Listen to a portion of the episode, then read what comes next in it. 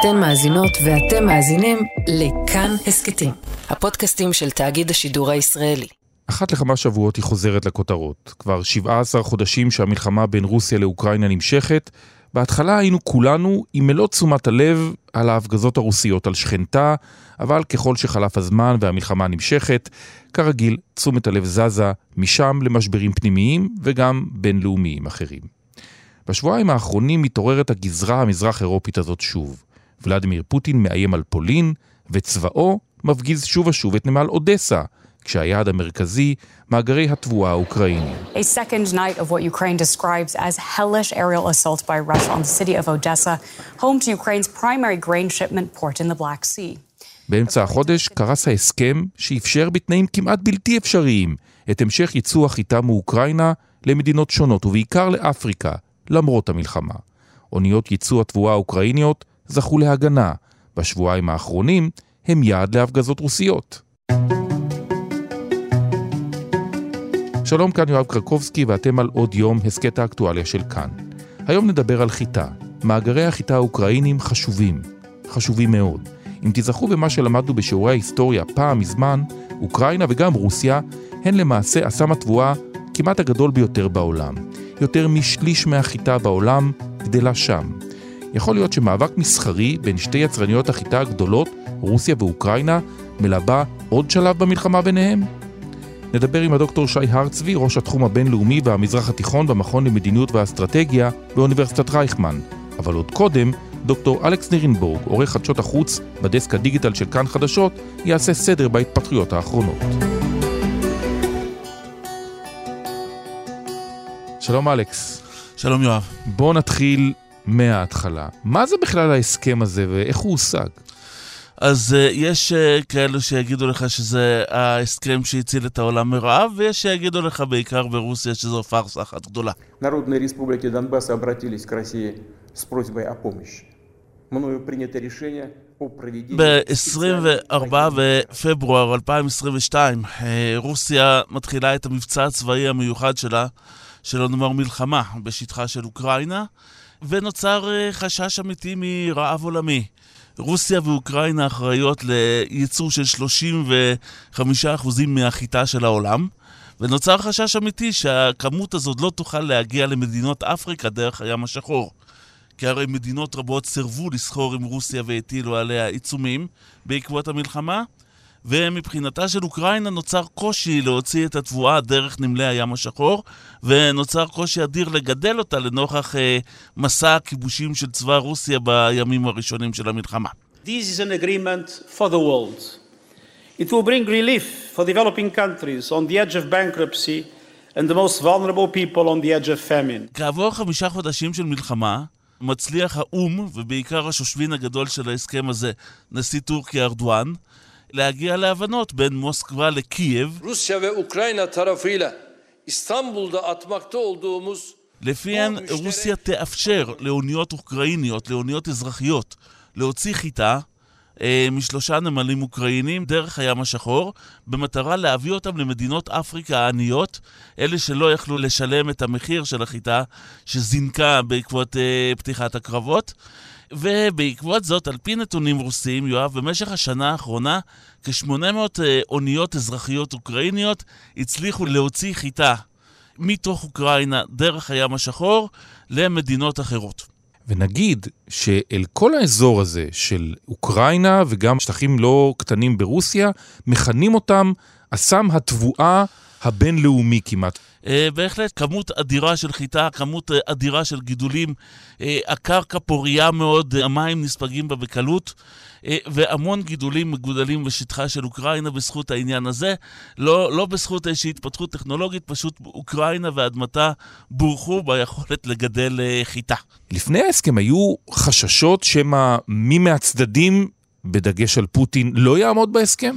בוודאי, היה חוסר, חוסר אמון מוחלט בין הצדדים. אנחנו חמישה חודשים בתוך המלחמה. Росія, про що вона не говорила, що вона не обіцяла, טענות שרוסיה מנסה לחסל את זלנסקי ושאוקראינה זוממת להתנקש אה, בפוטין. אה, החשש הרוסי היה שהאוקראינים ינצלו את המסדרון הזה לצורך שינוע של סחורות אסורות, לצורך שינוע של נשק מערבי לתחומה של אוקראינה. будут предприняты все необходимые усилия для... והאוקראינים חששו שהרוסים ינסו בכל דרך לחבל בהסכם הזה, יפגיזו אוניות אזרחיות, לא יעמדו בו, יגרמו להרוגים רבים, וכל הניירת הזאת של האו"ם וארדואן, כל, כל העניין הזה ייגמר בדם רב.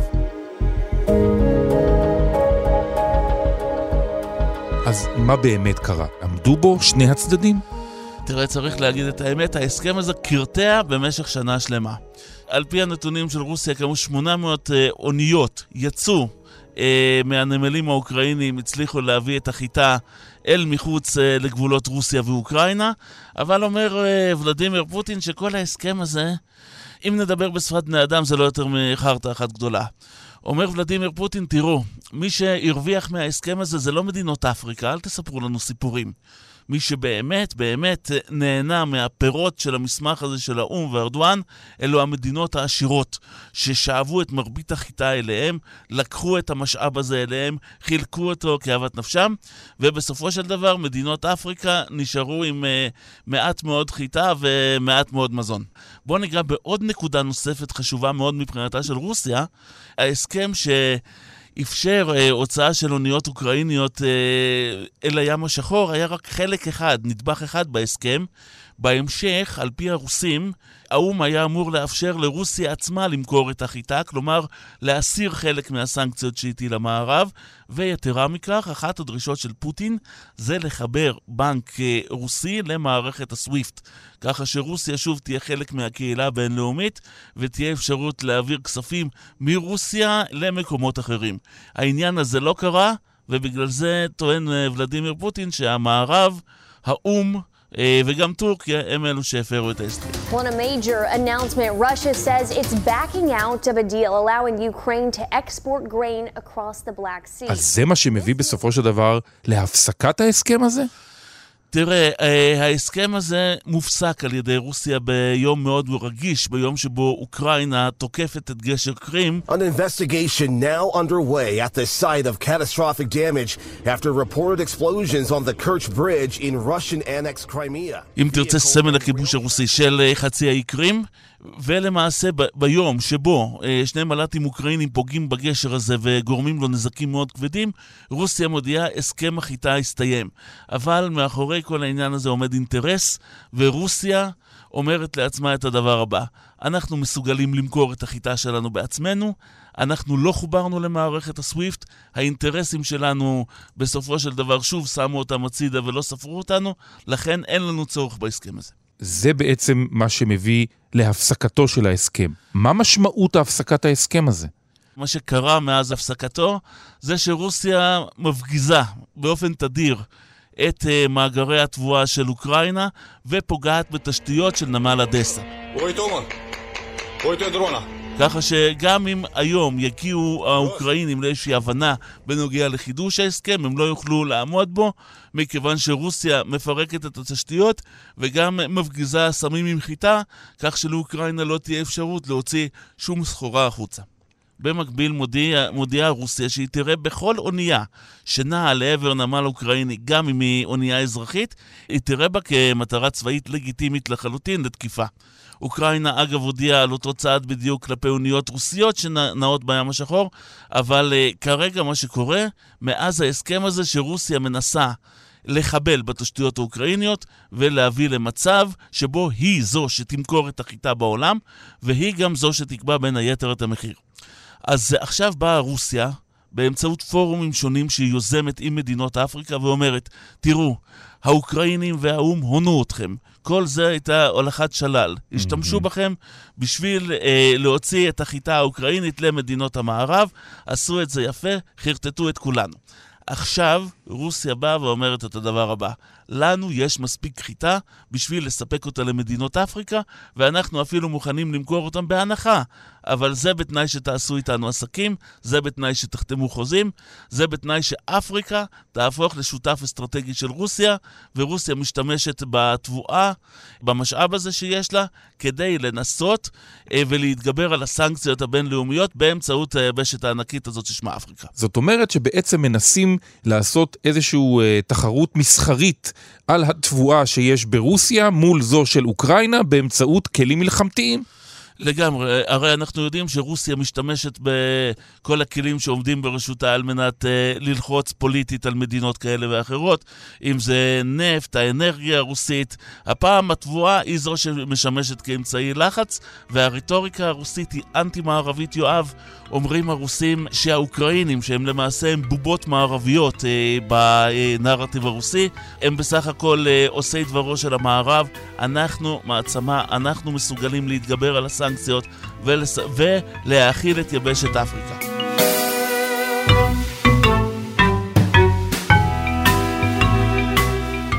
אז בואו נדבר עכשיו על טורקיה כשושבינת ההסכם הזה בין אה, רוסיה לבין אוקראינה. מה בעצם קרה? מה, התקלקלו מאוד היחסים בין ארדואן לפוטין?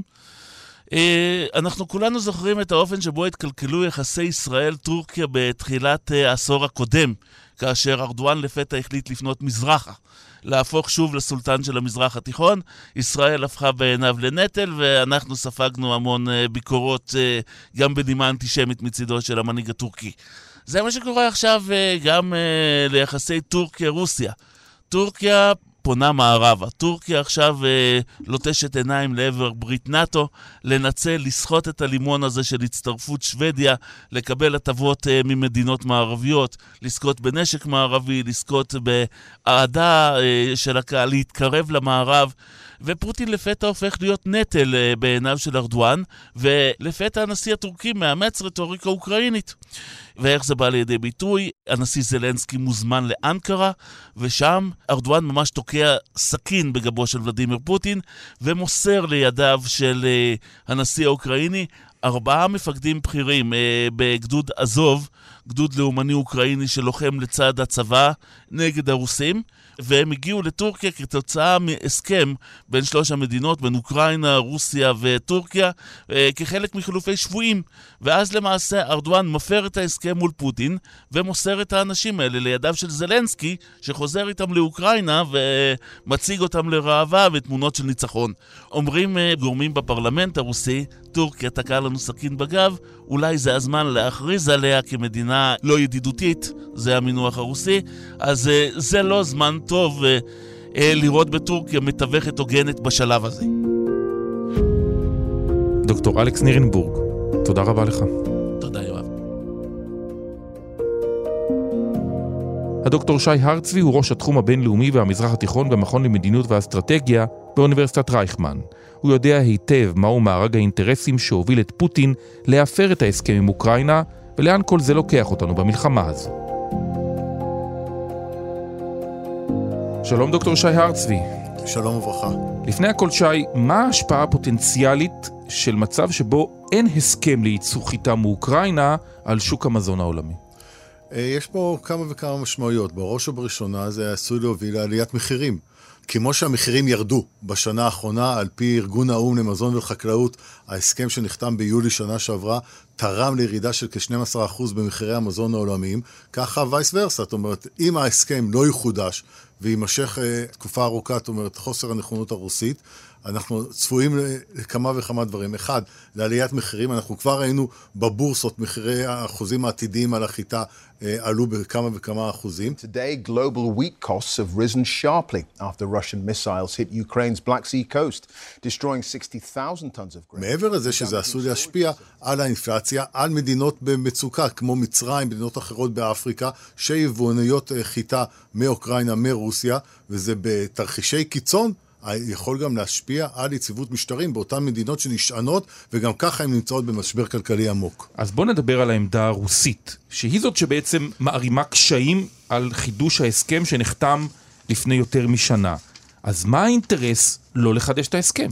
תראה, למעשה אנחנו רואים את הרוסים בכל ה-17 חודשים של המלחמה עושים ניצול מאוד ציני של משאבי הטבע כדי לקדם את היעדים שלהם, אם זה היה הנפט והגז בתקופה מסוימת, אפילו פיצוץ הסכר לפני כחודש, הוא היה, זה חלק מזה, לראות איך אתה בעצם הורס את אוקראינה ומשתמש בזה כדי לקדם את היעדים שלך. והחיטה שיוצאת מאוקראינה, ואוקראינה נחשבת אחת מיצואניות החיטה הגדולות בעולם, למעשה לחץ נוסף על המערב, על אוקראינה, כדי לשפר עמדות וכדי לנסות אה, לקבל כל מיני דברים, זה דבר אחד. וברמה האסטרטגית ביותר, בעצם להמחיש למערב, ככל שהמלחמה תימשך, הנזק למערב ולמערכת הגלובלית בכללותה עשוי להיות גדול ביותר ולשלם מחירים גבוהים. ולכן כדאי להפסיק את המלחמה כמה שיותר מהר. בעצם ביטול ההסכם הזה מלמד משהו על מצבו של פוטין, על מחשבותיו, אולי על הביטחון העצמי שלו במלחמה הזאת שנמשכת כבר יותר משנה וחצי? אנחנו רואים שהאוקראינים החלו במתקפת הנגד לפני כ- כחודש, ועד עכשיו, על פי כל הדיווחים, ההתקדמות שלהם מאוד מאוד uh, איטית, ולא נראה שמצליחים להפקיע את מערך הביצורים שהרוסים בנו בדר... בדרום אוקראינה ובמזרח. וזה אין ספק שמעצים את הביטחון של פוטין. הנה, כל ההיערכות האוקראינית הגדולה, כל האמל"ח שהמערב מעביר לה, אני יכול להתמודד ואולי אפילו להיערך למתקפת נגד אה, אחרת שלי. ואנחנו רואים את הרוסים מגבירים בשבועות האחרונים את התקיפות באמצעות מל"טים, באמצעות טילים נגד יעדים בקייב, באודסה, כמו שציינתי קודם לכן. זאת אומרת, יש פה איזשהו ביטחון של פוטין שאני בהחלט מסוגל אה, להחזיק מעמד מול מתקפת הנגד, למרות גם מה שקרה עם המרד של פריגוז'ין ו- ו- וכוח וגנר, ואפשר להמשיך במערכה, כאשר בסופו של יום בנובמבר, כשנגיע לנובמבר-דצמבר, זהו, אנחנו מגיעים עוד פעם לשלושה ארבעה חודשים של פגרת החורף, כמו שיש בכדורגל באירופה, ויהיה מאוד קשה להמשיך במערכה, ולכן שעון החול משחק פה לרעת האוקראינים במידה רבה. המרד של כוח וגנר, שבמידה מסוימת תדמיתית החליש את ולדימיר פוטין, נשיא רוסיה, יש לו חלק בעובדה שעכשיו פוטין מנסה לעשות מהלך שנראה ברמה הבינלאומית כחוזקה גדולה יותר שלו? בהחלט ייתכן, זאת אומרת, אין ספק שהמרד של אה, פריגוז'ין, המרד של ה-24 שעות, אה, הציב סימני שאלה עד כמה משטרו של פוטין יציב. לעת עתה נראה שהוא בהחלט יציב, והוא צריך להפגין מנהיגות, הוא צריך להפגין שרוסיה מנסה אה, לשלוט ושולטת באירועים, ולכן עצם זה שהוא ביטל את ההסכם בא ואומר, אני רוצה שישחקו על פי הכללים שלי, על פי התנאים שלי. אנחנו לא חלשים, אנחנו לא נגררים, אנחנו בהחלט יכולים לעמוד על שלנו ולדרוש אה, דברים כדי לשפר את המעמד שלנו, את העמדה שלנו, אה, לקראת ההמשך. מי שהייתה שושבינה של ההסכם הזה בין אה, רוסיה לבין אוקראינה בנושא התבואה, היא טורקיה. אז איפה היא נעלמה בנקודה שבה צריך היה לחדש את ההסכם? לא נעלמה. מערכת היחסים בין רוסיה לטורקיה עברה עליות ומורדות במהלך המלחמה. אנחנו ראינו ערב הבחירות לנשיאות טורקיה, אה, פוטין תמך מאוד בארדואן, כי הוא רצה שארדואן, אה, אה, מה שנקרא, יישאר נשיא, זו הייתה האופציה הטובה ביותר בעיניו. דווקא אחרי הבחירות, כל מיני מהלכים של ארדואן עוררו מורת רוח רבה במוסקבה. זה עם הנכונות שלו לצרף את שוודיה. אני רוצה להזכיר שטורקיה במשך תקופה ארוכה סירבה לצירוף שוודיה לנאט"ו, והנה עכשיו הם מוכנים תמורת F-16 ואולי דברים אחרים. אם זה באמירה של ארדואן במהלך ביקור הנשיא זלנסקי בטורקיה, שהנה אוקראינה יכולה אולי להתקבל בעתיד לנאט"ו. ואם זה אפילו בצעד מאוד סימבולי של שחרור קצינים אוקראינים מיחידת אזוב, שבעצם הרוסים העבירו והייתה הבטחה טורקית לא לשחרר אותם. זאת אומרת, מספר מהלכים שעוררו מורת רוח רבה מאוד אה, ברוסיה. ארדואן אמר, וזה מאוד חשוב, שהוא מוכן להזמין את אה, הנשיא פוטין לטורקיה באוגוסט הקרוב, ואם ביקור כזה יצא לפועל, בהחלט ייתכן שזה בעצם יהיה הביקור שיסגור מחדש אה, הסכם. אבל למה הביקור חשוב? כי פוטין עכשיו למשל לא יכול להגיע לדרום אפריקה לכינוס מדינות הבריקס בגלל שיש נגדו צו מעצר של ה-ICC ו- ודרום אפריקה אה, חתומה על אמנת רומא ולכן הביקור שלו בטורקיה בעצם נועד להראות הנה אני לא מבודד אם אכן יצא לפועל ויש לזה חשיבות מאוד מאוד רבה ולכן יש פה מערכת יחסים מאוד מאוד מורכבת בין הרוסים לטורקים הטורקים ימשיכו למלא תפקיד משמעותי ואנחנו נצטרך לראות באוגוסט אם הביקור יצא לפועל הוא בהחלט עשוי מה שנקרא לפרוץ את הדרך להסכם מחודש.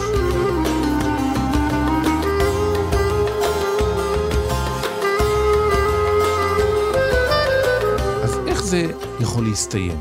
גם ביטול ההסכם? האם זה מחריף את אה, אה, זירות הקרב בין אוקראינה לבין רוסיה? זה יצרף מישהו ממדינות המערב? תראה, זלנסקי כבר uh, קרא ואמר, אולי uh, נאטו צריכה להתערב ולסייע במה שנקרא פריצת הבלוקדה של הצי הרוסי ב- בים השחור, אבל זה לא יקרה. האמריקאים ונאטו מתחילת הדרך נחושים, אנחנו נסייע לאוקראינים כמה שצריך. אבל לא נילחם בעצמנו מול הרוסים, מתוך החשש של איפה זה אנחנו עשויים אה, להידרדר.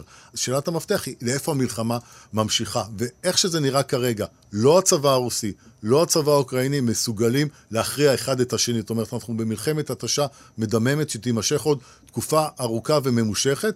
אחת השאלות עולה, האם שנגיע לחורף הבא, האם יפתח פה איזשהו חלון לתחילת אה, משא ומתן כזה או אחר בין הצדדים השונים.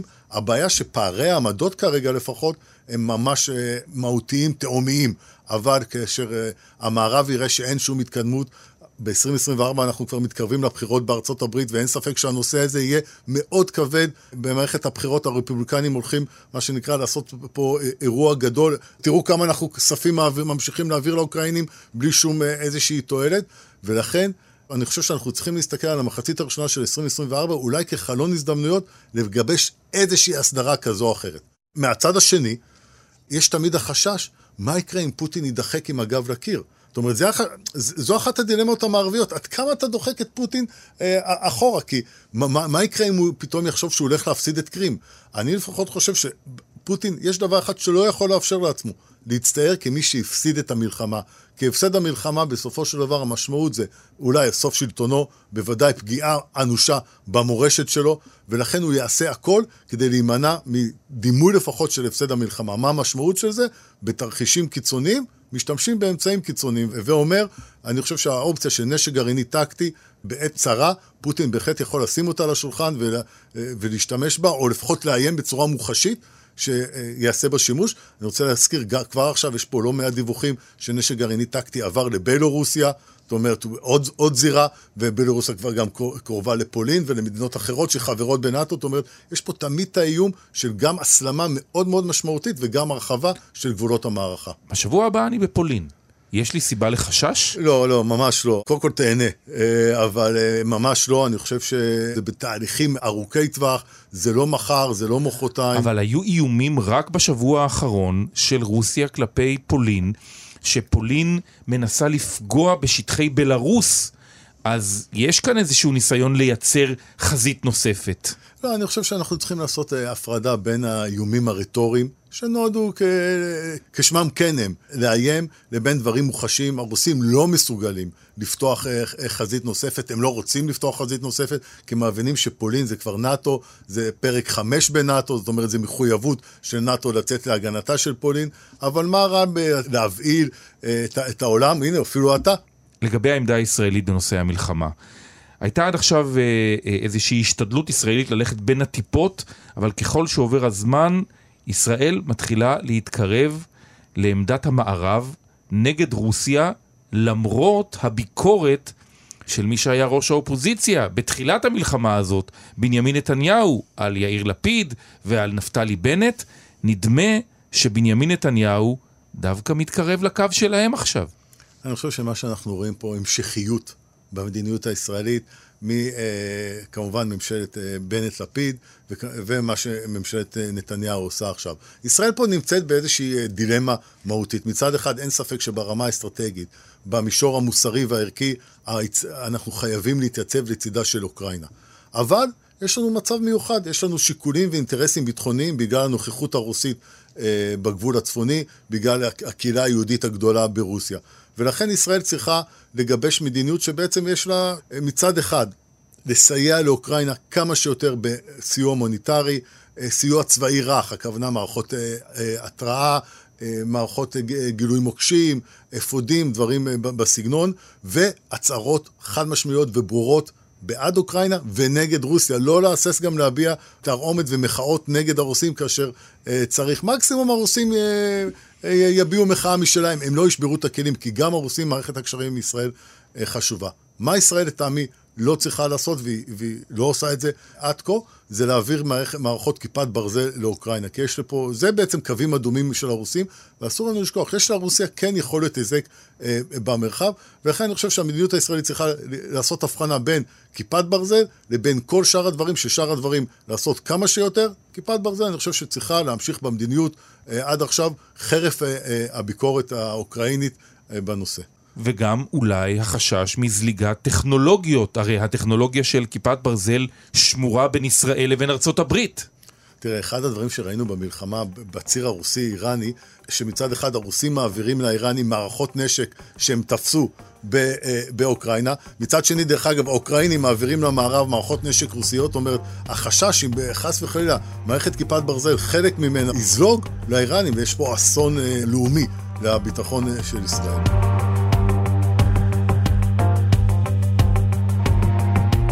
הדוקטור שי הרצבי, תודה רבה. תודה רבה. האזנתם לעוד יום, עורך דניאל אופיר, עיצוב קול ומיקס נדב ניר, ביצוע טכני תמיר צוברי, צביקה בשבקין ומשה ליכטנשטיין, בצוות האורחים, יותם רוזנבלד. היה לכם מעניין? שתפו בכל הכוח. אם אתם מאזינים לנו בספוטיפיי או באפל פודקאסט, נשמח אם תפנקו בדירוג. מוזמנים להשאיר שם גם הערה.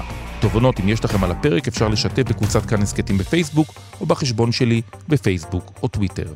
פרקים חדשים של עוד יום עולים בכל יום ראשון, שלישי וחמישי, את כולם וגם הסכתים נוספים מבית כאן תוכלו למצוא בכל מקום שבו אתם מאזינים להסכתים שלכם או באתר כאן, תאגיד השידור הישראלי. אני יואב קרקובסקי, משתמע.